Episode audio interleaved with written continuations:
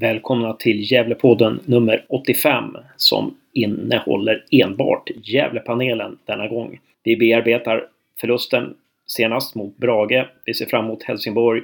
Men framförallt så funderar vi över vad är det som har gått fel i Gävle IF under de senaste åren? Varför har vi hamnat där vi har hamnat? Kanske borde aktiebolagiseringen kommit tidigare?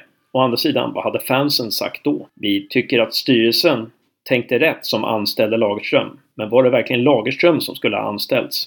Frågorna är många. Vi vet inte om vi har svaren, men vi diskuterar frågorna åtminstone. Vi ser fram emot Helsingborgsmatchen. Vi ser fram emot damernas match mot Rimbo på lördag. Båda matcherna går på lördag. Vi måste hålla modet uppe.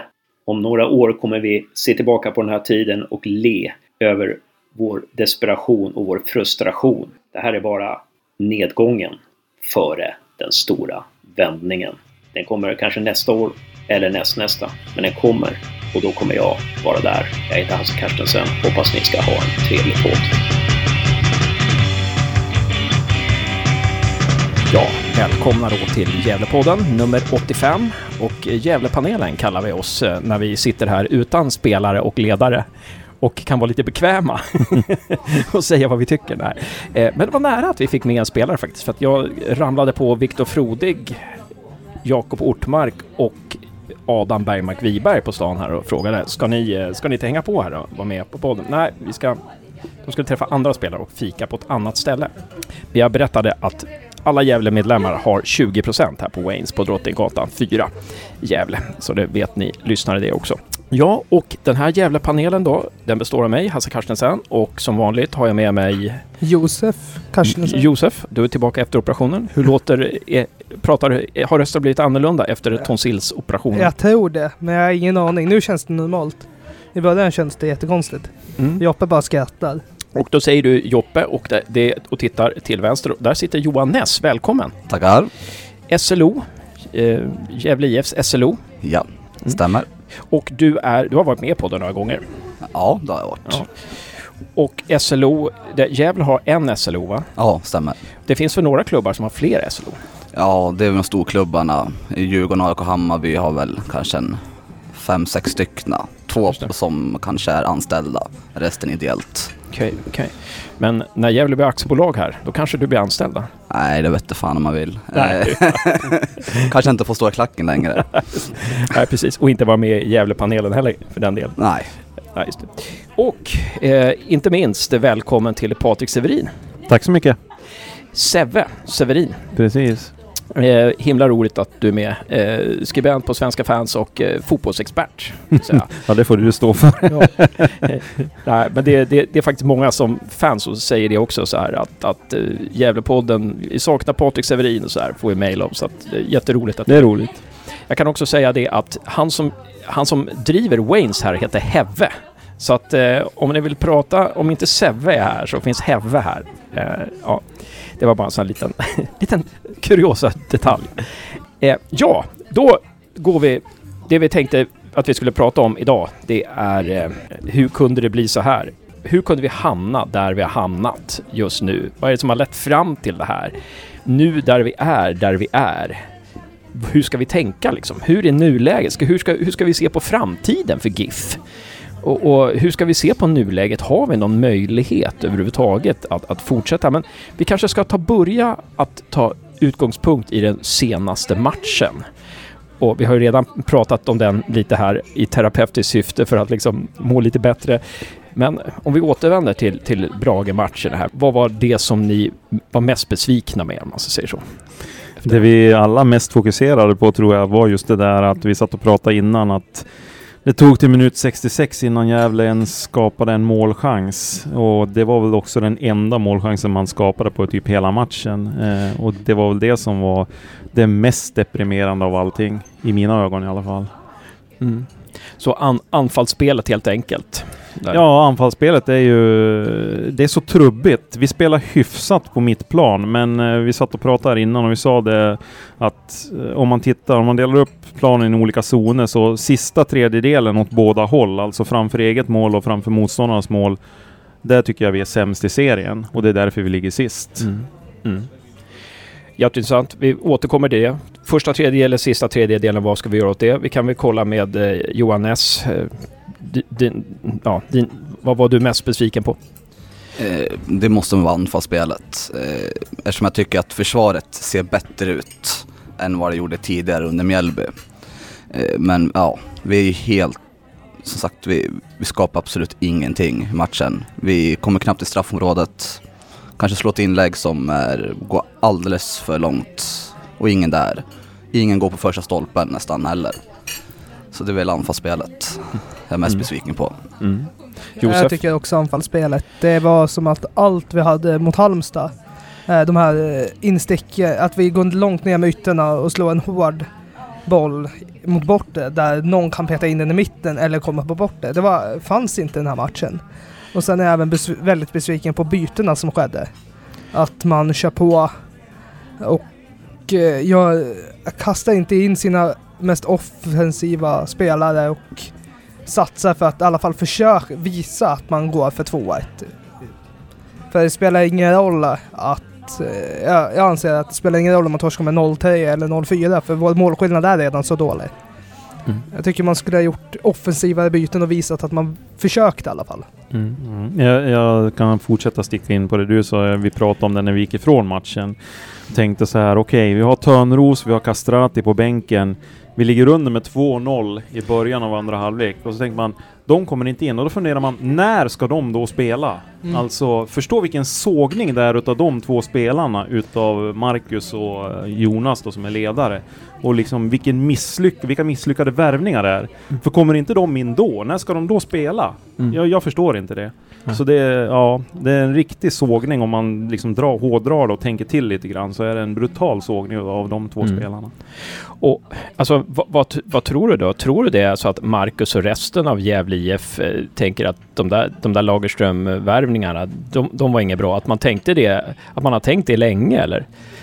Jag har ingen aning om det. Alltså, både Castrati och Törnros kom in ganska sent. Eh, och jag vet inte hur mycket Lagerström hade med att göra med det, eller om det var Mjällby och Mackan som låg bakom det, för det var ju ett himla tjat om Castrati där. Det hände ju ingenting. Han fick ju göra den här matchen när han provspelade. Sen tog det ju lång tid innan han fick kontrakt. Vi satt ju och väntade på att nu måste de ju signa någon. Och sen fick han ett treårskontrakt helt plötsligt. Jag tänkte, ja men då ser de ju någonting i honom. Och Törnros har väl också ett treårskontrakt om jag inte är helt fel underrättad. Men jag är rätt säker på att han har tre år. Eh, eller två år. Någonting säger mig att han har två år. Ja, Men det kan- det kan vi ta reda på. Eh, Mm. Men i vilket fall som helst. Och det, det visar ju på den desperation man har innan serien. Och man, man liksom, det känns ungefär som att äh, vi måste bara värva två anfallare. Det får Mm. bli vilka, det- vilka Mm. som helst. Vi Ja. måste ha in två anfallare Ja. i truppen. Och nu får de inte spela. Liksom. Det, och det är ju också en stor del till att vi ligger där vi ligger. Och det Mm. konstiga är att Castrati inte fått spela någonting under hela säsongen. Törneros fick ju spela lite, men han var ju skadad Mm. varannan, varannan match, varannan månad. Castrati var ju också skadad i början. Han hade axeln. Jag intervjuade honom i Carrickscorner där man tejpade hela axeln och sådär. Så att det finns ju en viss skadeproblematik där också. Men Men också att Castrati, jag kommer inte ihåg någon match han, han har fått chansen typ när vi lägger under och matchen redan varit körd.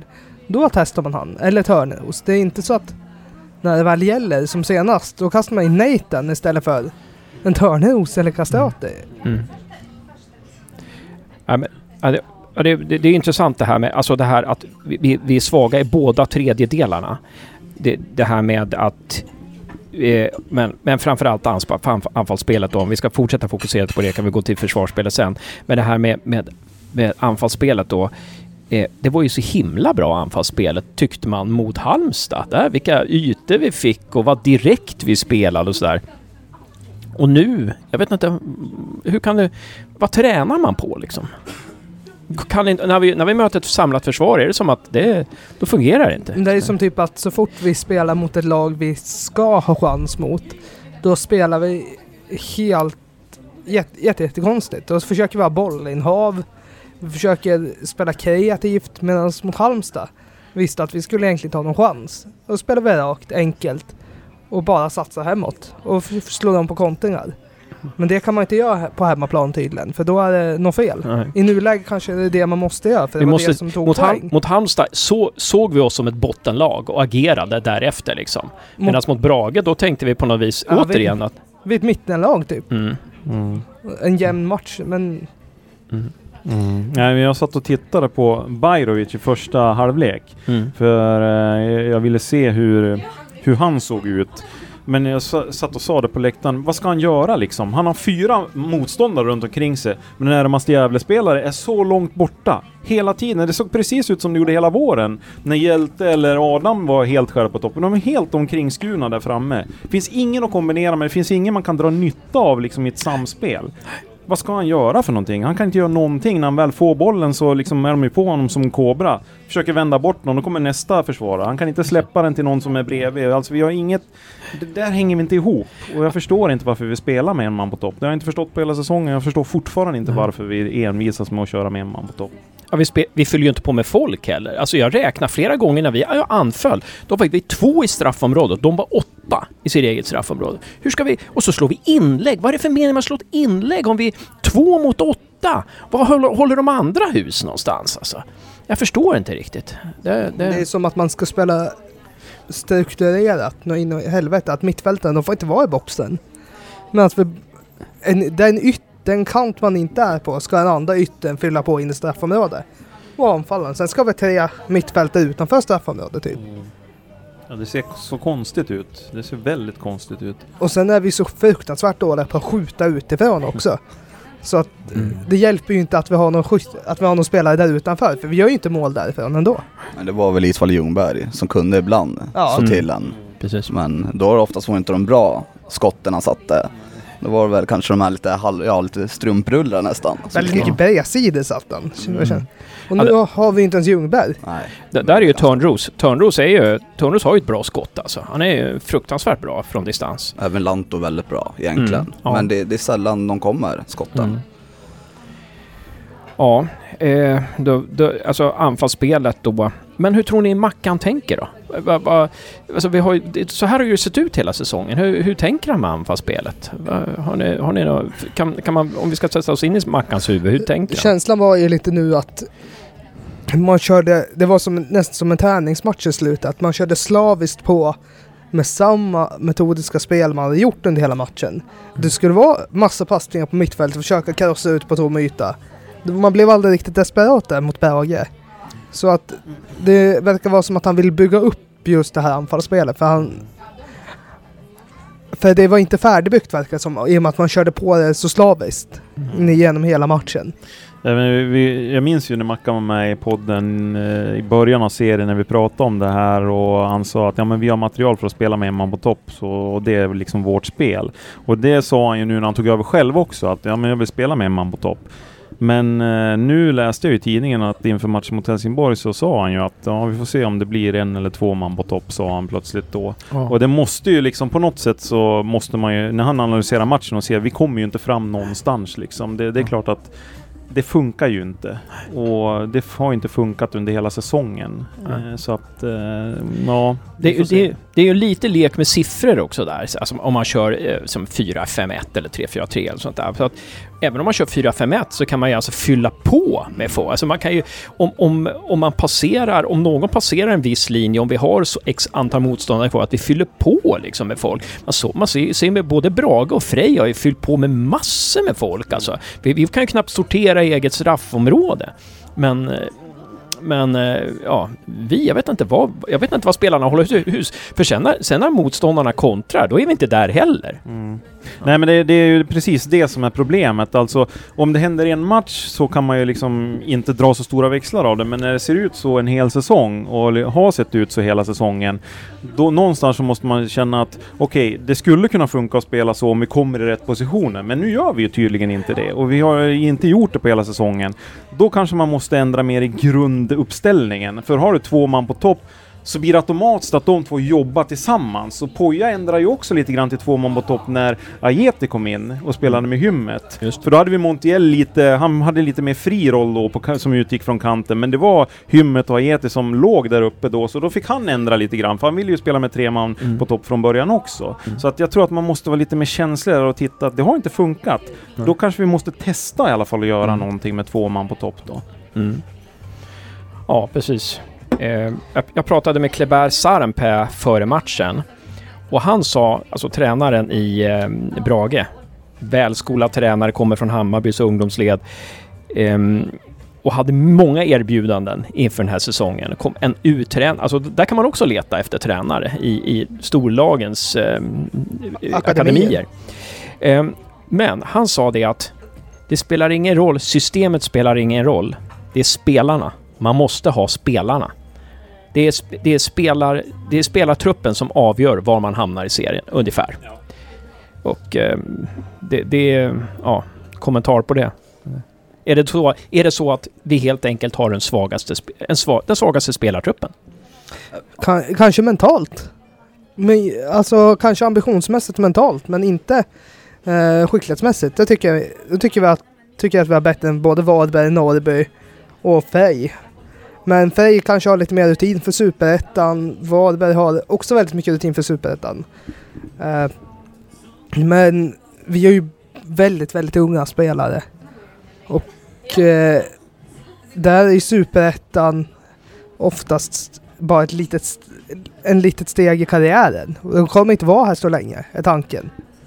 Eh, för våra bästa spelare är ju knappt kontrakterade. Eller Ortmark är inlånad, Kralj är inlånad. Ja, Adam är kontrakterad, men Piotr kommer bli såld under nästa. Oavsett vart, vart vi är i serien. Så en spelartrupp, du skulle föredra en spelartrupp där spelarna har passerat kanske 27-28 och inte är sådär och stadgat sig lite och inte är sådär heta på att dra vidare utan det är här jag är. Exakt, för Mm. det är lite så Falkenberg har byggt när de tog in Carl Söderström för Varberg, 29 år. Eh, Robin Östlin från Degen, 27-26. Mm. Några som vet att deras enda chans att spela allsvenskan är att spela sig upp. Mm. Medan många av de här som är yngre, om de gör bra ifrån sig i Superettan, då kommer de bli sålda uppåt. Mm. Vad säger ni om, vad säger, vad säger Johan om, om Josefs... eh, Jag håller med Mm. om spelartruppen. Alltså den är, den är normalt sett inte sämst i Superettan. Kanske är strax under mitten. Eh, men jag håller, ja, håller med där också, men mentalt måste det vara fruktansvärt eh, svajigt. Speciellt när vi har en sån ung trupp. Eh, vi har inte så många erfarna spelare. Speciellt inte från su- Superettan är väl bara August och eh, Florén. Och Chase nu. Ja, Chase. Ja, men det väl bara en säsong? Eller var det två? Äh, tre. Tre, okej. Så um, det behövdes mer rutin helt enkelt behövs det i Mm. truppen. Gjorde ett misstag som, som lämpade iväg Makondele till Sandviken. Jag tycker det. Mm, ja, Nu, så här efterhand, i och med att vi bara tog in yngre krafter. Jag tror också att Makondela hade varit billigare än vad Castrate hade varit. På ett nytt kontrakt. Och så hade vi fått lite mer rutin i Makondela. För just nu har vi ju, alltså Lant och Florén, de är ju erfarna fast de har ju inte så mycket, alltså sån himla utpräglad karriär ändå. Utan det har ju varit Gävle, Gävle. Medan Makondela har ju varit i jävligt bra i Helsingborg och Häcken. Innan han hamnade här till slut. Mm. Ja, ja, det är lite, lite konstigt där att kanske se honom som, som, som, eh, som i slutet på karriären. Han faktiskt spelade en del i Häcken innan, året innan han kom hit. Då. Ja, anfallsspel. Vi får, se, vi får se hur det går mot Helsingborg nu. Men, men ja, lite frustration där kring anfallsspelet och vad vi vill. Det, det är också det jag är lite frustrerad över. Vad, vad vill vi? Det, det, det, det är det som jag... Liksom, det var det som var så skönt när Poja kom. Det är så här vi ska spela. Det är hit vi ska liksom. Så här ska akademin vara. Nu vet jag inte, vad står vi för? Jag skulle vilja veta, vad, vad står Gävle för nu? Hur, liksom, ja, vi ska spela lite 4-5-1 eller ja, 4-4-2 eller jag vet inte. Ja, ja, Nej, det är ju en avsaknad av en sportchef är ju så tydlig i ett sånt här läge. Eh, alltså du får ju ingen röd tråd i, utan det blir, och speciellt när man då har, hur många tränare har vi haft nu? Det är femte tränaren på två år liksom. Det, det blir ingen kontinuitet heller. Varje tränare vill ju köra sitt race så att säga och eh, en sportchef kan ändå styra det då liksom att ja, men det här är våran linje och leta en tränare som står för den linjen också. Nu plockar vi in tränare ungefär bara som, ja, Vi plockar in spelare. Ja, ungefär. Vi måste ha en. Ja, och, men han kanske passar. Ta in honom då. Ungefär så. mm. Och det funkar ju inte heller i längden förstås. Och sen Oj. är, det känns som att vi byter identitet som du var inne på. Att vi skulle spela så här inför säsongen. Nu har vi gått igenom två tränare och vet fortfarande inte exakt hur vi ska spela. Ska vi försöka spela offensivt och roligt eller ska vi försöka hålla oss kvar? För just nu kan vi inte kombinera de två. Nej, precis. Vi måste inse att vi är bottenlag, att vi, att vi slåss för livet. Vi ska täppa till, vi ska täppa till liksom och spela säkert kanske, jag vet inte. Um, men um, ja, Nej, men jag tänker också en sportchef. Det skulle ju avlasta Mackan också. Det måste vara jäkla tungt för Mackan. Han ska leda träningar och alla de här tre spelarna vi har tagit in, Isak Chase, eh, Jakob Ortmark och Admir Bajrovic, det är ju hans egna scoutingar. Liksom, hur, hur, jag menar, en sportchef skulle ju liksom kunna avlasta Mackan. Nu får hans, han ska dessutom, han ska leda träningar, han ska scouta spelare och dessutom ska han talesman inför media och talesman inför fans och ja, alltså det, det, jag tycker det är ohållbart nästan. Men där ska man ju ge Mackan en eloge tycker jag, för där, eh, han hade ju en linje när, när han tog över att han såg, ja vi måste ha in en defensiv mittfältare. Då plockade han in en defensiv mittfältare. Vi måste ha in en målskytt. Han plockade in en målskytt. Vi måste ha in en spelfördelare. Vi lånar en spelfördelare. Där har Mackan gjort jättebra. Så det, det ska han absolut ha en eloge för. Det Mm. lite, jag tänker det var väl det lite Poja var bra på. Så man märker att IFK Göteborg att det inte fungerar. Att här fick han ju makt över allting. Han fick styra Mm. allting Mm. som han vill. Och, medan IFK Göteborg, då måste han arbeta med en sportchef. Som gör lite jobb åt honom. Och det är inte riktigt hans sak.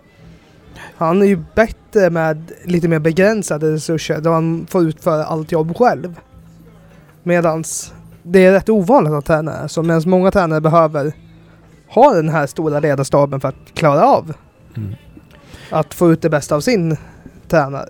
Sen, sen, måste, ju- sen måste ju samarbetet funka mellan sportchef och tränare. Det vet jag inte om det gör i Göteborg till exempel. Han, är- Masken ville vi göra allting själv. Mm. Det är ju två personer som vill göra allting själv. Ja. Pe- Pelle Olsson, han har ju sagt, han, sa, han har sagt att han vill vara sportchef och tränare. Det sa han i podden någon gång. Att, eh, han, det finns, finns, en fördel med det. För då, då, då inga mellanled. Liksom. Om han vill ha en spelare, då tar han den spelaren. Liksom. Men då måste det finnas en struktur i klubben. Mm. Eh, och det just nu så eh, funkar det inte. Det gjorde det under Pelles tid. Han tog verkligen på sig allt ansvar Mm. för att göra det där. Han fick också även hjälp av Lindstrand vet jag. Så Mm. Ja, intressant. Då kommer vi till försvarsspelet då. Eh, försvarsspelet som du var inne på Patrik. Eh, eh, nu har vi varit inne på sista tredjedelen. Nu kommer vi in på första tredjedelen då som, som inte heller fungerar. Alltså, jag, blir- jag vet inte hur många mål vi har släppt in som vi släppte in första målet när de slår en boll över våra mittbackar eh, på en, en snabb forward och så plötsligt är han fri. Alltså jag tror att det är 11-12 mål som vi har släppt in så den här säsongen och bara mot Öster tror jag att det var tre mål på det viset alltså. Och, och ehm, ja, jag vet inte. Björkman kanske inte ska vara mittback. Eh, han kanske ska vara på något annat ställe för att han, alltså, men man, man måste ha man måste ha en snabb mittback som kan, som kan lösa sådana här situationer. Alltså, jag vet inte, det kanske... Eller jag såg det som att det var eh, snabbhet, alltså en trög... De motståndarna har sett att vi är tröga där i mittförsvaret. Eller har jag rätt? Har jag fel? Eller ska vi komplettera med något? Vi är nog förklaring? ganska tröga eh, rent generellt sett i mittförsvaret. Eh, sen första målet. Jag har inte sett reprisen på det. Jag, när jag satt på läktaren så bara satt jag och tänkte, men August kom ut någon gång. Det var min, eh, men sen har jag inte sett det över efterhand så jag vet inte om det var rätt att stanna eller inte. Men det var bara reaktionen från mig då. Eh, Att August skulle ha fortsatt sin löpning ut och han var först på bollen. Mm. ja, Att, ja. Ja men jag, jag, håller, jag håller med, live tyckte jag också det. Jag såg reprisen, då känns det mer som att jag, jag förstår han, att han eh, stannar upp. För den är ganska nära, bollen dimper ner ganska nära bakom backlinjen. Eh, och så är det antagligen en väldigt dålig kombination av eh, Gussman och Björkman till August. Men han gör ju, tyvärr gör han ju fel där att han tvekar, går bak, och nej, skiter i det och så går fram igen. Det blev liksom Mm. allt fel på en gång. Ja, just det där, det blir så lätt för honom att göra mål. Alltså, Mm. Han var inte så jäkla vass annars Kouakou i matchen. Men det där är ju karriärens enklaste mål. När han rusar ut, stannar upp, backar tillbaka. Det hade ju Till och med du gjort till och med mål. jag gjort mål på. Och det är det som är så plågsamt att man bara ger bort ett mål sådär. Mm. Att, att man, om de bara hade varit konsekvent i en sak, att äh, stå kvar på linjen, då hade haft 95% större chans att ta den. Mm. Istället för att han hamnar på mellanhand och man vet att det blir mål. Mm. Och man vet ju hur bra August är på att oftast ta de där äh, närskotten. Han räddar ju, var en två superräddningar i andra halvlek. Så, och även mot eh, Halmstad var det flera superräddningar nära håll. tveksamhet från målvakt, tveksamhet för, från mittbackarna och kanske en typisk tveksamhet som händer i det här läget av säsongen. Att vi, vi, eh, ja. men, men det kändes som matchen dog där på något vis. Det är som att de får 1-0, sen kontrollerar matchen helt och hållet. Ja, vi Eh. kommer ju inte upp i någon nivå i anfallsspel alltså. Oavsett hur mycket hur dåligt försvarsspelet var eller inte var så hade inte ens vi en chans att kvittera. Då blir det ju lugnt. Mm. Men det som jag ser med försvarsspelet, ni får se om ni hå- håller med, men det känns som att nu, vi har, vi har blivit bättre på det här försvarsspelet när vi håller ihop lagdelarna. De spelar inte igenom oss, de spelar inte mellan, mellan oss, mellan lagdelarna, genom oss mellan lagdelarna så lätt som de har gjort förut. Men De spelar Det- över oss. de spelar över oss istället. Ja, Ja. Vi låg ju högre upp med backlinjen också. Eh, Det var från start så hade vi ett mycket högre eh, försvarsspel. Eh, men då blir ju problemet just när bollen kommer bakom backlinjen då naturligtvis. Eh, och då måste August spela långt ut för att kompensera. Eller att backlinjen när de ser att bollen kommer faller snabbare. Eh, och det sa ju Jesper Björkman efter matchen också att de kanske skulle ha fallit när de såg att bollen var på väg att slås då. Men, men vi håller ett litet högre försvarsspel nu och det tycker jag är helt rätt. Alltså vi blir mer kompaktade och det blir svårare för motståndaren. Och Brage skapar ju som sagt inga målchanser heller egentligen. De gör 2-0 eh, på straffen då, men sen så tar det till vi blir en man mindre och vi försöker desperat att gå framåt. Då har de några chanser. Men innan det så är ju matchen kliniskt ren från målchanser. Men, men, men men backlinjen då, alltså det, det, det, är ju så att Florén spelade sig in i- backlinjen förra året genom några bra insatser och sen var han där tillsammans med, det var han, Rauschenberg och Lans va, som var. Sen tappar vi Lans och Rauschenberg och in kommer då Sarko som kanske är vår bästa mittback nu. Han spelade division 2 förra året. Eh, Björkman satt för det mesta på bänken. Han spelade mot ÖIS, han spelade mot eh, eh, Degerfors. Falkenberg borta och mot Degerfors. Um, alltså, ja, alltså och Gussman är väldigt lovande. Ehm, men... eh, Alltså, Men det är nog otroligt dålig kvalitet vi har tagit in. Ja, Alltså- framförallt så, om man tittar på de spelare vi tappar så är det ju spelare, även om Rauschenberg inte kanske håller högsta allsvenska klass, så i Superettan så är han helt okej och Lans kanske ännu bättre. Och de kan man liksom bygga ett försvarsspel på, vilket gör att de spelarna som spelar bredvid dem blir lite bättre för att de har lite trygghet i dem. Nu har vi ingen spelare som vi kan bygga, vi kan inte lägga det ansvaret på Sarko, att han ska dels vara bra själv, men sen göra de andra bättre bredvid sig. Och det är ju det som är hela problemet med hela truppen, anser jag, att vi tappar ju de här bärande spelarna som gör de andra spelarna bättre. Vi har inga sådana spelare. Piotr är en sån spelare, men han har ju liksom inte kommit till den nivån den här säsongen. Men i övrigt så har vi inte de spelarna som gör medspelarna bättre. Nej. Utan alla har liksom fullt sjå med att försöka vara bra själv, känns det som. Det är lite Mm. Piotr får tagit ansvar för allting. Han har ju varit ytterback, mittfältare, eh, ytter, alltså Anfallare, anfallare också alltså. det är, det är det att eh, under förra årets trupp då hade man ju så pass bra spelare så han fick länsa. Då var det andra stabila pjäser som gjorde att han fick visa och, och Mm. att han fick vara bra. Mm. Men alltså, nu ska han göra de andra bättre och det blir Mm. Det blir plågsamt för vi tappar ju, en- tappar ju några procent där. Mm. Och de procenten är en väldigt stor skillnad. Han, brukar göra, han gjorde ju så jäkla mycket assist förra året så. Mm. En, en grej, jag måste bara säga en grej som jag noterade på plats. Jag har inte sett om matchen. Jag, jag, jag har valt att ta min medicin istället. Nej, jag skojar. Men, men alltså, det, det, det var, var för plåg, plågsamt att se om matchen. Men, men jag kanske ska se om målen. Men första, första målet så är det, jag tror att det är Bajrovic och Piotr som tokpressar. Springer på samma spelare. Springer bort sig där uppe alltså. Så, och och, och, och, vi, de spelar bort vår första press hur som helst och har jättelätt att sätta den där bollen bakom vår backlinje alltså. Så det, det, så att där finns ju också ett, ett där var, det var också väldigt osynkat där. Men det känns ju som motståndaren har väldigt lätt liksom att scouta oss. De vet vad våra svaga punkter är. De pressar Björkman jättehårt när han har bollen. Eller överhuvudtaget våra mittbackar. Gussman och Björkman pressar dem jättehårt när de har bollen, pressar Florén hårt när han har bollen. Och så fort Piotr får bollen offensivt har han tre spelare mot sig. Så att, eh, det, känns som att, det känns som att de plockar bort oss väldigt lätt på något vis. De, de vet precis var de ska sätta in stöten för att vi liksom... Ja, Men det är ju så, det, är det att vi har så många svagheter. Det är inte en mittback som är känslig för press utan det är typ hela backlinjen. Mm. Och, det är, ju inte- och det är nästan bara en kant som en kreatör. Vi har bara en ytter som är en kreativ spelare, den andra är jävligt snabb. Och har ett bra skott. Så att det blir, alltså det måste vara jävligt enkelt att möta Gävle. Mm. Måste vara jävligt kul för man vet ungefär hur en match ko- kommer se ut. Man vet att man kommer få x antal lägen också mot Gävle. Mm. Precis. Så Till skillnad från förr i tiden då man knappt fick något läge. Då visste man att, att man behövde göra något, li, lite extra för att, för att göra ett mål på Mm. till exempel Strömvallen. Ja. Men så här vet man att missar jag fem lägen, ja då får jag tre till i alla fall. Ja. Ja, det är precis tvärtom mot för vad det var förut, för då var det väldigt svårt att möta Gävle. För dels var Gävle otroligt kompakta, men sen så hade de anfallare som högg på allting så fort bollen kom fram också och var jäkligt jobbiga att möta. Så att, eh, ja, det är nog mycket enklare att möta Gävle nu än vad det var Och tidigare. det är väl lite det mentalt också att förr visste man att man bara får x, x antal chanser. Medan nu vet man också mentalt att man får x antal chanser och de chanserna är väldigt, väldigt många. Och väldigt bra chanser oftast. Exakt, man har ju oftast tre klara målchanser minst varje match Mm. mot Gävle. Så ma- man har ju ändå en trygghet där att ja, sätter man inga under de första 70, ja men då får vi ändå x antal, ett par chanser till mellan Ja. 80 och 90. Mm. Ja, precis. Och nu är vi ju där vi är. Vi har den trupp vi har. Nu kan vi inte fylla på med mer spelare.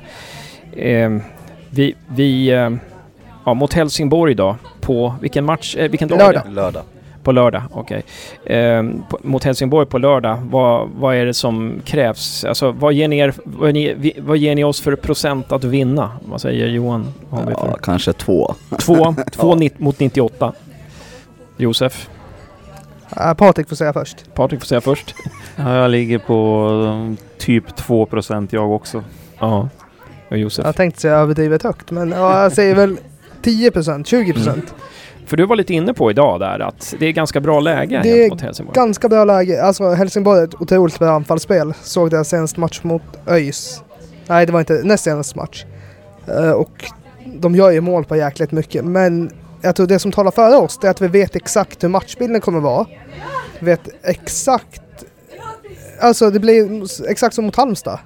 Eh, vi kommer behöva sl- slå om. Vi kommer stå... Ha väldigt få målchanser. Men vi kommer få utnyttja våra yt- yttermittar. Och man vet ungefär hur försvaret också kommer vara. Så att släpper man inte in första målet Mhm. så kan det gå rätt bra. Det är en annan sak som talar för Gävle, det är just traditionen. Att vi har haft väldigt lätt mot Helsingborg Senaste, de senaste åren.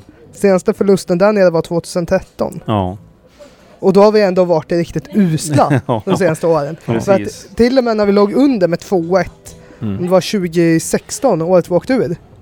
De vände och vann va? Ja, vi 3-2. vände och vann. Ja, precis. På O- två det inte minuter. Ore- Oremos eh, frisparksmål där. Nej, det var, Nej, det var året- innan, det var, det året var när vi var bra det med Roger Det Sandberg. var 2015. Här var Oremo kvitterat på nick. Nu, det var när 87. TA hade tagit över. Exakt. Nej, Och, sen, och sen gör Lanto precis. eh, 3-2 på ett skott utifrån en minut senare. Då Hjälte som blev inbytt i 60 blev utbytt i 80, i 90 har jag för mig. För att de behövde säkra hemåt helt plötsligt. Ja. Eh, eh, jag måste gå tillbaka till, vad ger jag dem för chanser? Ja, jag är nog inne på 2,98 där, men jag säger väl 5,95 då. um, men en sak måste jag säga om Braga-matchen. Vad är det för domare? Alltså, alltså jag, jag säger ingenting om straffen. Det är möjligt att det var straff. Men så många otydliga domslut. Alltså han, han måste, han gör det så väldigt svårt för en att känna att han inte sätter nivån från början. Och, och bara det här med liksom att Helsingborg har en frispark vid mittlinjen i slutet av första halvlek. De slår den. Och han, och han, han blåser av. Och ingen förstår vad det är. Nej, då ska de flytta bak den två meter. Frisparken är vid mittlinjen. Herregud alltså. Den videosekvensen borde man ju kunna skicka till förbundet så, så får han inte döma mer resten av sitt liv alltså. Jag menar herregud, inte jag. Jag, jag hade en kort, kort domarkarriär i tonåren och var inte särskilt bra, men oh, fan vad jag bett, inte hade jag gjort sån, sån grej alltså. Jag tycker, han sku, domaren försökte ju oftast få ett väldigt levande spel med så få avblåsningar. När det väl var en avblåsning skulle det fan vara på millimetern. Ska ligga där, det ska göras på regelrätt. Nej men istället ha normalt med avblåsningar. Är det en ful sak, ja blås av. Men det behöver inte göra att spelet stannar upp om man får ta det snabbt. Och någon meter hit och dit på mittplan spelar ju ingen jävla roll. Nej, och sen även eh, Floréns utvisning som inte alls Nej. är utvisning. Men han kanske borde haft utvisning i första halvlek istället. Som På- var nästan, den var riktigt ful. På Robin Selin där. Ja, Den var som han blev ju skadad ut på uren på båt. Där var man nästan helt säker på att nu åker han ut. Får inte Mm. en varning. Nej. Här, här träffar han boll. Ja. Och får rött direkt. Man Och, bara, och dra in sina dobbar fullt. Alltså han är ju inte ens närheten med dobbarna. Nej. Det, ja. Ja. Och sen, Nej, han var klappkass. Det kan vi konstatera. Mm. var, fo- ja. ja, folk som har klagade på domarkvaliteten när vi var allsvenskan. Alltså det är inte en, alltså den är ju helt eh, super, Underbar. Ja, helt underbar. Det är, Ja, när vi är i superettan, det är ju som att slänga in en korpdomare. ja. Alltså, Så, ja, I Allsvenskan då hade man ju några domare som var dåliga. Det visste Mm. man. Men många var bra. mm. Eh, Medan här i Superettan då är det Ja, ingen som är bra. Nej. Det är beroende på vilket humör de är för den dagen. Precis. Jag måste få ta, ta på en domar, domar, eh, någon domarrepresentant i någon podd här framöver. Alltså det, Ja, det, jag, trä- jag träffade Mackan Strömbergsson efter matchen. ja. Ja, han, vi kunde slängt in honom istället, det hade varit bra Ja. mycket bättre. Kommenterar han domaren eller? Nej, nej. Nej. Det gjorde han inte. Det Nej. vill han nog inte göra heller. Nej, jag tänkte... Domare kommenterar inte domare. Nej. Ja det är väl, jo, VM. Stefan Johannesson. Eller vem var det? Eh, vad heter han? Jonas Eriksson. Jonas Eriksson. Ja, just det. är. Men han har ju slutat nu va? Så att han, han kan säga Han vad har han vill. slutat redan. Ja, han var ju så bitter för att han inte fick döma VM Ja, själv. det, Så då, ja, så var det. Det är som präster som slutar som präster. Nej, det är det inte. Det var, det var en dålig liknelse. Ehm, jag ber om ursäkt om det är någon präst som lyssnar på det här. Det var i Ja. alla fall bra av Jonas Lanto att ta sin, ta sin tredje gula. Om det nu så att han ändå inte kunde ha varit med. Just det. mm. Mm. De väntar barn. Är det första barnet eller? Ja, det var första banan. Ja. Det var bara synd att inte shortsen gi- gick av där tyckte jag. Mm. Eh, Har du sett den situationen Hasse? jag har inte sett den situationen. Jag och Josef eh, kom ihop oss på läktaren där. Och eh, Josef var dum mot mig. Så att jag agerade som en vuxen och gick därifrån. Åkte hem. Kommer hem, kommer på, ja just det, jag måste hämta min son också. Nej, Åker tillbaka. Så istället för att komma hem när matchen var klar runt nio så kom vi hem kvart i tio. Mm, så kan det gå. Och det är alltid domarens fel.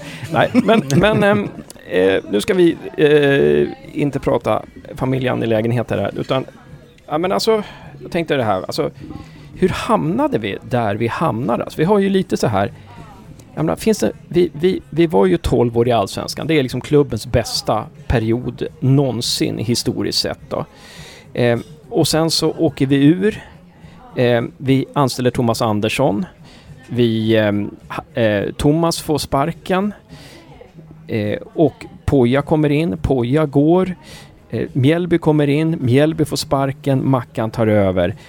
Eh, och Roger fick sparken kan vi också säga under sista, under sista halvåret i Allsvenskan. Alltså var, om ni skulle komma in någonstans och rätta till något i den här processen och de här sista åren som, som skulle ha tagit oss i en annan riktning. Någonting som Gävle IF hade kunnat göra noggrannare så att vi så att vi inte hade hamnat där vi hamnar nu. Vad skulle ni rätta till då? Jag hade, En sak. Ja. jag hade sänkt Per Lagerströms lön till att börja med. Har inte anställt han ja. Eh, anställning av han, det går att diskutera fram och tillbaka. Men just att eh, den lö- alltså personalens lönekostnader var fortfarande var högre året i Superettan än vad det var när man åkte ur Allsvenskan. Det, det är ju inte, det är helt galet att att det är den posten man väljer att lägga krutet på. Det är helt givet att det är spelartruppen som ska ha mer pengar. Och jag tror att hade man fått hade man fått de där 70 000 kanske, minst, som borde ha gått till spelartruppen så hade man kunnat nog gjort en hyfsad skillnad där. Om jag hade haft truppen som hade höstas från start till exempel, eller något liknande så hade det varit en annan situation. Mm. Men jag, jag tror att allt började faktiskt eh, sista året med Roger. Eh, ja, det här halvåret då, då. Som Hasse var inne på i, i podden här. Om att eh, det blev för mycket för honom med resandet i tre år nästan. Eh, det funkar inte. Så du är inne på att man skulle tagit in annan, annan man skulle inte förlängt Ro- Rogers två, eh, han skulle fått gå efter två år och man tagit in en ny tränare till sista året i Allsvenskan? Ja, eller gjort upp en deal med att han flyttade till Gävle. Nå- någonting sånt. För jag tror inte det var liksom att Ro- att Roger är en dålig spelare, eller tränare. Det var bara att liksom tyngden på hans axlar och allt resande. Mm. Roger har ju varit lite inne på att han inte fick den trupp han ville ha. Att truppen var för... då- Och det var ju Hasse också lite inne på det, att man var lite... Man ersatte inte Fällman. Mm. Det var ju en grej Det, där. det var en jättetung. Mm. Det var tungt. Så, men, ni är inne på alltså, eh, sänka lönen för Lagerström, men hade, ja, du hade kunnat ge en spelare. Men du har varit inne på Josef, det tycker jag alltså, är intressant, för du har ju sagt så här att jag kan förstå styrelsen, att man anställer Lagerström, för om det kommer in, alltså tanken var rätt har du sagt med Lagerström, alltså att man vill ha in någon stark person som har en vision med klubben. Och sen så kanske Lagerström var fel person, men att styrelsen tänkte rätt där. Vill du utveckla det Josef? Ja, du sa väl det egentligen det man Ja. tänker. Att det var ju rätt. Man behövde ha någon... Att 12 år i Allsvenskan, 11 år- 11-12 år. Man kan inte vara nöjd med att fortfarande hamna på under halvan. Utan publiken började avta. Uh, peng, det kommer ju mindre och mindre sponsorpengar var känslan. Alltså man måste ju, man måste ju någonstans. Det håller inte längre efter 12 år att man säger att vi höll oss kvar. Efter 12 år ska man minst hamna på en positiv målskillnad ett jäkla år. Så därför var det rätt att, att man tog in någon som ville sträva framåt. För den uppfattningen jag får av Hasse ibland är att... att Hasse Bergen? Ja, att Mm. vi var så jäkla nöjd. Vi gjorde ett otroligt jobb som höll oss kvar. Ja, det är helt otroligt, massa år. Men man kan inte vara nöjd med det varje år då man inte får någon utveckling på det. Så därför var det rätt att man tog in Per som hade en vision. Däremot var Per helt fel person för hans vision eh, var, inte, var inte lika bra som hans utförande, Hans Och hans- snack. Hans karisma och hans ekonomiska... Vad heter det? Ekonomis, det Ja, han vill ekonomiska ha ekonomiska, ekonomiska ersättningar han vill ha. Ja, ja, du menar så. För den summan man la på han hade man Och- och- fan kunnat fått en bättre tränare än vad alla vi har anställt. Och bara vara liksom på, eh, på kansli två dagar i veckan. Det, det går inte. Ja. Och det som, var... Som Ja. klubbchef. Ja, exakt, och Gävle gav upp det här hårda arbetet mot en, en glasslirare som inte ens eh, som kunde säga rätt saker i rätt situationer men han hade ingen jäkla aning om vad han gjorde. Vilket man ser idag. Mm. Att det har kostat klubben något otroligt. Mm. Så det är ju slarvigt att man inte är noggrannare. Att om man vill ha in en visionär som vill Gävle väl så är det ju en karriärsgrej själv. Att, att eh, man ger sig själv de bästa möjligheterna att lyckas och inte gör det bästa ekonomiska möjligheten för sig själv för att sen bara kunna sticka. Mm. Patrik, någonting, någon sak, någon detalj i det här, de här senaste åren som du tänker att om man ändrade på det, om man hade gjort så här istället för så här, så Mm. hade vi hamnat, inte hamnat där vi har hamnat nu. Ja, jag har eh, fått dra tillbaka klockan några år. Men, men eh, det som händer nu i Gävle, att vi ska bli aktiebolag, det skulle ha hänt mycket, mycket tidigare. Eh, jag pratade med klubbdirektören David om det här i eh, veckan, det var innan matchen nu mot Brage. Eh, och jag frågade liksom var, var, varför har det tagit sån tid att göra det här? Och då sa han det att det var på gång en gång tidigare för ett antal år sedan när man hade en lite sämre ekonomi. Och då sålde man en spelare och rättade upp ekonomin och då tyckte man att det inte fanns behov av det. Men det skulle ha skett tidigare. Mm. Det är bara så det är. Det, alltså nu när vi gör det så är det inte ens säkert att vi kommer att lyckas genomföra det på den nivå vi är. För att nu är vi sån brant nedförsbacke och det kommer naturligtvis att påverka de som vill vara med och investera. Hade vi gjort det här medan vi hade medvind i seglen så hade vi fått en boost i ekonomin och då har det kunnat sett helt annorlunda ut idag. Så det skulle ha hänt tidigare. Sen så, bara för att, jag håller med Josef där, alltså tanken var rätt med Badis och Lagerström. De kom in för att förbättra ekonomin. De kom in med den delen. Men det skulle ha varit David och Malin som kom in då. Då hade det inte heller sett ut som det gör nu. Just det. Så att eh, andra, andra personer på de posterna där. Men då tänker du att efter Rogers andra år där, när vi gjorde en sån väldigt bra vår, det gjorde vi en ganska dålig höst och den smittade sig av sig på nästa vår, men efter det året när vi, när vi säkrar kontrakten med fem omgångar kvar, typ då skulle vi ha blivit ett aktiebolag. Då eller tidigare ändå. Alltså jag vet inte exakt vilken som var, den- skulle vara den optimala tidpunkten. Mm. Men när, när man går, alltså när man har vind i seglen, när man har intresse i klubben. Eller om Poja hade varit kvar och vi hade liksom kunnat byggt på det här, då hade det varit en annan Mm. sak. Nu är vi i sån djup, u- alltså utförsbacke och Vi måste komma upp i typ 7,5 miljoner för att vi ska genomföra det här med aktiebolag. Och Och, det, kommer vi att göra det? det är så här, hade man lanserat det här inför premiären på Gavlevallen, då hade man ju kunnat fått in kanske eventuellt dubbla Mm. mm, pengarna. Man kunde få in 20 miljoner istället för att satsa på 10. Mm. För att där hade vi ju allting med oss. Vi var väldigt bra på hemmaplan, vi hade spelat bra i serien. Och så stod den här nya arenan och väntade. Och det fanns... Man visste inte att det skulle gå så här illa. Att publiken skulle avta. Och då hade man ju faktiskt kunnat... Alltså man lagt fram det innan det så hade man då haft världens möjlighet att sälja ut till personer som inte ens är superinsatta. Tänk en presskonferens direkt efter matchen mot GIF Sundsvall, premiären, när vi vinner med 3-1. Vi ska bli aktiebolag. Är ni med oss? Ja. Förstå vilken uppslutning det hade kunnat vara då, Mm. för då var det verkligen gå alltså Mm. ett tag. Mm.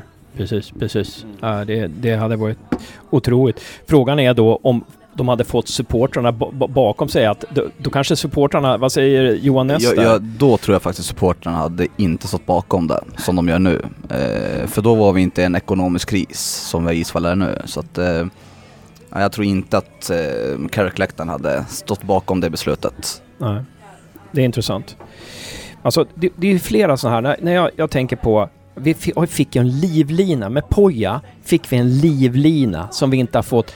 Alltså vilken chans vi fick där genom att vi klarade kontraktet förra året. Vilken chans vi fick. Och vi såg vad, vilken, vad härligt det är med, med, med en tränare som kommer in och ser alla och lyfter alla. I hela organisationen lyfter han alla. Alla var positiva. P- Folk på kansliet, ka- akademin, alla liksom. Fansen till och med. Fansen, till, till och med Carrick Men alltså när vi Nej. låg sist var man ju ändå säker på att det här kommer gå. Mm. Vilken livlina vi, vi, vi, vi fick där. Och sen så tar vi in Johan Mjällby. Alltså, och de här värvningarna vi tar in. Ja men alltså snälla någon alltså. Alltså Lagerström gjorde några bra grejer. Han tog in Adam Bergmark Wiberg. Det var hans, eh, det var hans idé att värva Adam Bergmark Wiberg. Ehm, skrev fyraårskontrakt med honom, eller femårskontrakt eller vad det var för någonting. Ehm, jättebra. Men det var även Och hans han- idé att ta in Törnros, Castrati. Ja, jo August. precis. Det, precis. Men han tog in Poja också. Han tog in Poja också. Det var otroligt bra. Och då, då tänkte jag wow, han har fingertoppskänsla. Och så fick vi en miljon för Oremo också till Halmstad. Ja, men fara. Men snälla Lagerström och styrelsen, vad höll ni på med? När ni efter det här som hände förra året, ni får en ytterligare chans till det här. Alltså då, där hade vi kunnat ta, ta en aktieboost också faktiskt. Men alltså, eh, tar in, en tränare som är på en helt annan nivå än Poja. En orutinerad tränare som inte har bevisat någonting. Och Utan, var väldigt dålig på att höja andra. ja, precis Och alltså. skyller bara ifrån sig, tar inga ansvar. Nej. Tog in raka motsatsen. Mm. Men det, det var ju som Lagerström, det kändes som att han bara vill eh, liksom ge jobbet till sina närmsta. Mjällby var på, eh, med i hans utbildning, även Poja. Så han Mm. bara tog, Just det. Jag vet inte. Att eh, Poja var en liten lyckträff där i och med att Poja var ledig där. Ja, blev men, ledig under. ja absolut. Mm. Po- Poja hade i alla fall bevisat någonting innan att han... eh, Han hade vunnit serier. Ja, och gjort någonting. Men om Mjällby, de inte hade gått i samma kurs, hade Poja varit i Gävle då? Mm. Eller var det bara en lyckträff liksom? Ja men vi Mm. går i samma kurs. Mm, jag ja. pratar med dig. Ja. Vem vet? En annan sak som jag har tänkt på, att nu i efterhand så tänker jag att hade det varit bra om vi hade åkt ner. Hade vi åkt ner i division 1, då hade vi behållit Poja. Det hade Och- aldrig varit bra att åka ner och gå från heltidslag till deltidslag. Nej. Men med Poja, för Poja hade aldrig gått till IFK Göteborg om vi hade åkt ner. Då hade han aldrig fått den här... eh, Hade vi klarat, hade vi klarat kval kanske han hade varit kvar. Om det blir kval Ja. neråt och klara oss. Ja, Men jag tror inte att, det hade, att vi hade tjänat på att åka ner. nej. Oavsett med tränare. Alltså det är ekonomiska möjligheter som bara försvinner. Att bli ett aktiebolag hade aldrig varit snack om saken. Mm. Hade inte haft en möjlighet att få in en miljon. Mm. Alltså det, det skulle, alltså det kan ju positivt Spelare som man, Piotr Hymmet hade ju gått för alltså kaffepengar. Det hade inte jag tror inte det hade funnits något bra med att åka ur. Och Okej. det finns inget bra med att åka ur. Ja, f- finns ju flera lag som har faktiskt åkt ur eh, även ner till division 2 och omstrukturerat klubben och kommit tillbaka. Men det är- Gais Örgryte, Ja men det är klubbar som har redan rätt bra ekonomi. Eh, Örgryte var i fast de har, konkurs. ja fast de har supporter. De har väldigt mycket supporter. De har väldigt eh, stora personer som har bra med pengar som håller på ÖIS. Ja, det, det har de. Det har inte Gävle. Gävle har inte det företagsklimatet. Det är Brynäs som går först här. Så att hade vi åkt ur, då hade inte vi kunnat omstrukturera på det sättet man hade hoppats att man skulle få. Mm. Och Örgryte har ändå, de har ändå sin tradition. Det, det har vi, ja.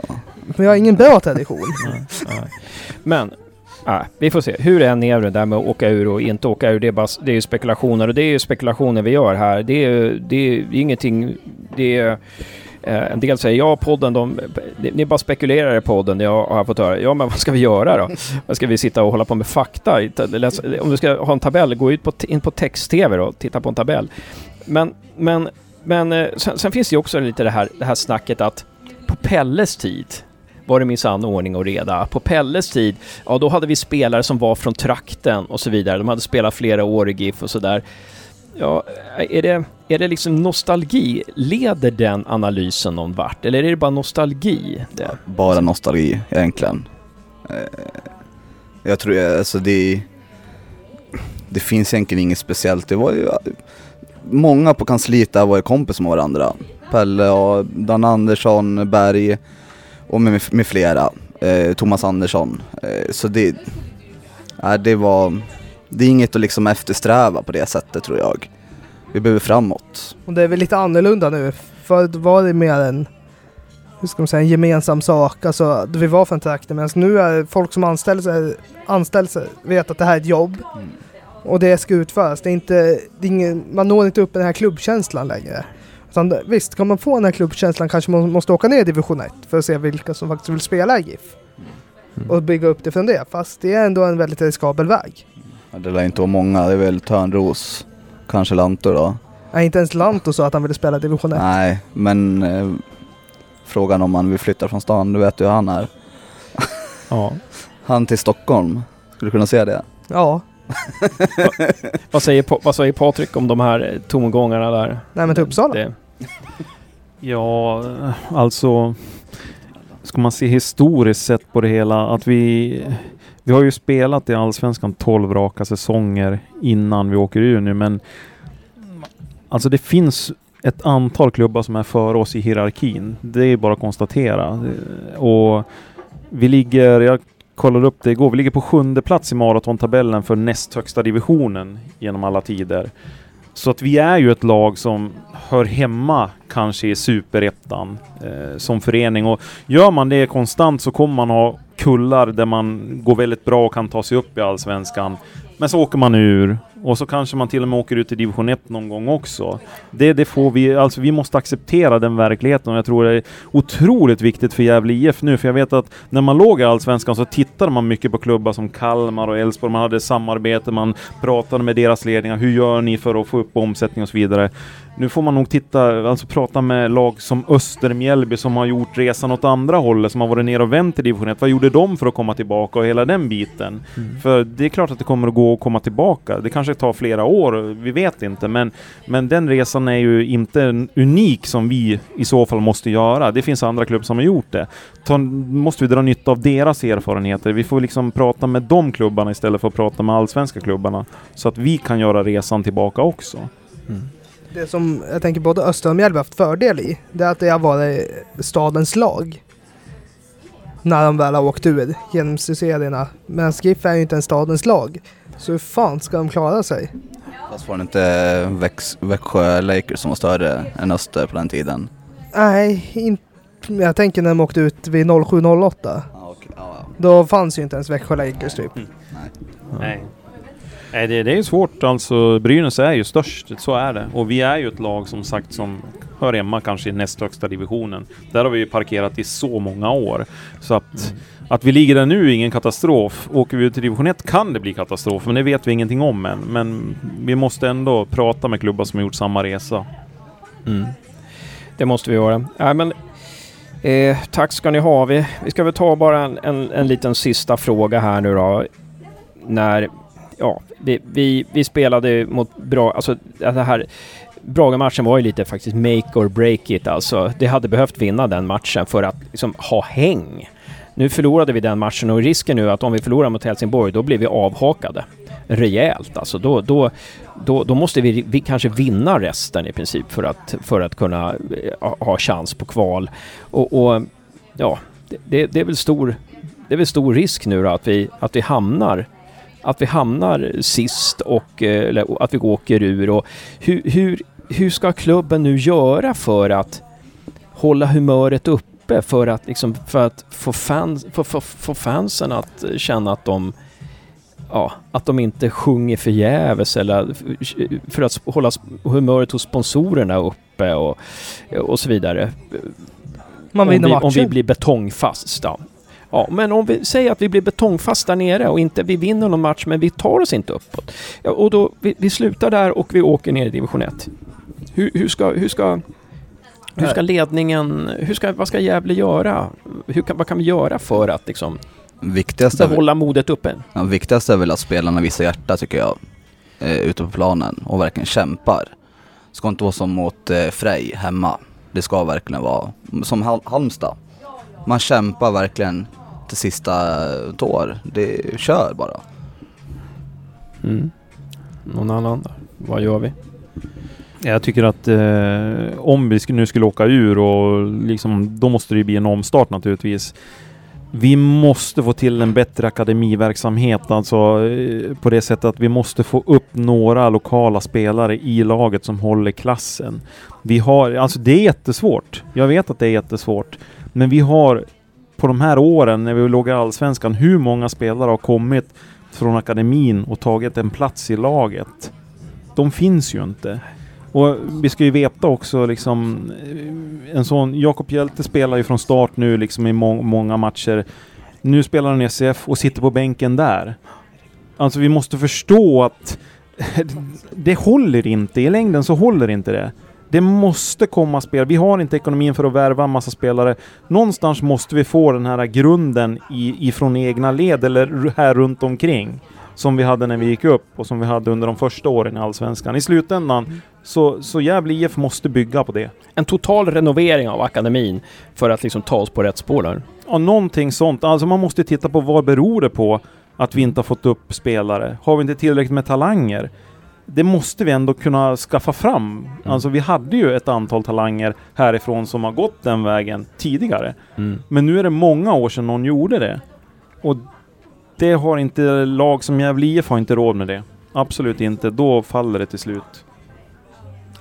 Eh, Josef, Jag någonting, vad, vad kan Gävle IF göra för att liksom hålla humöret uppe på- hos support? Om vi hamnar toksist nu och åker ur, vad kan Gävle IF göra för att hålla modet uppe hos supportrar och fa- fans och, och, och sponsorer och allmänhet? Ingen aning. Möjligtvis att vi har att vi har, kommer ha den bästa förutsättningen i division 1. Att man vet om det. Att eh, faciliteter och allting. Men samtidigt så finns det inte så mycket annat. Derby mot Sandviken. Finns inget positivt med derby mot Sandviken. Jo, det gör det. Inget positivt. Ja, vad, vad säger jag då? Jag säger att jag vill ha in en sportchef.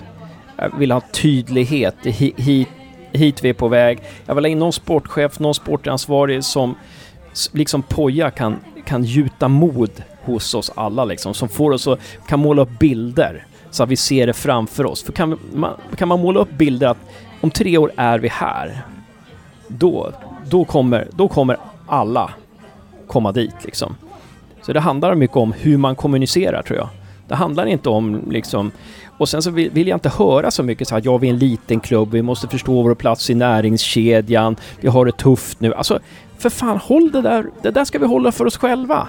Det där, det, där, det där ska vi inte kommunicera utåt. Utåt ska vi kommunicera att vi är på väg. Det kanske är tufft nu, men vi kommer... Om tre år så kommer vi vara där alltså. Kan man tycka i Allsvenskan var vi en liten klubb. Nu är vi inte det längre. Och då kan man inte ha det här mindervärdeskomplexet i en serie där vi är större än många andra klubbar. Vad är det? Helsingborg har Gute Guys som kanske är större då? Så att, Ja, och Det- Öster. Ja, ja. Faciliteter, de är ja, likvärdiga. faciliteter kanske att de har en bättre, de har vunnit SM-guld och liknande. Men så, räknar man senaste 20 åren så Ja. är det väl kanske ganska jämnt. Men Mm. Men det där med mindervärdeskomplex, det, ja, jag gillar ja, tanken där. Men jag, jag tänkte på det igår också. Det kan inte finnas någon klubb i elitfotbollen som har spelat så många säsonger i rad nu som Gävle har gjort utan att ha en vinnande säsong. Ja. Även om det är många säsonger i Allsvenskan och Mm. jättebra att hålla sig kvar. Men det måste ändå sätta en prägel på Ja. klubben. Så här, hur många säsonger med negativ målskillnad? Ja, exakt. Med fler förluster än vinster och negativ målskillnad. Vi måste ju ha fem... Det här blir väl 15 eller 14 raka säsongen nu som vi är en förlorande klubb. Ja. Det kan inte finnas något annat lag i elitfotbollen som har 14 raka säsonger som en förlorande klubb. Och ligger andra divisionen. 12 stycken i Allsvenskan och nu blir det andra år i Superettan. Ja. Ja. Det måste sätta sån negativ prägel ändå i slutändan, i väggarna.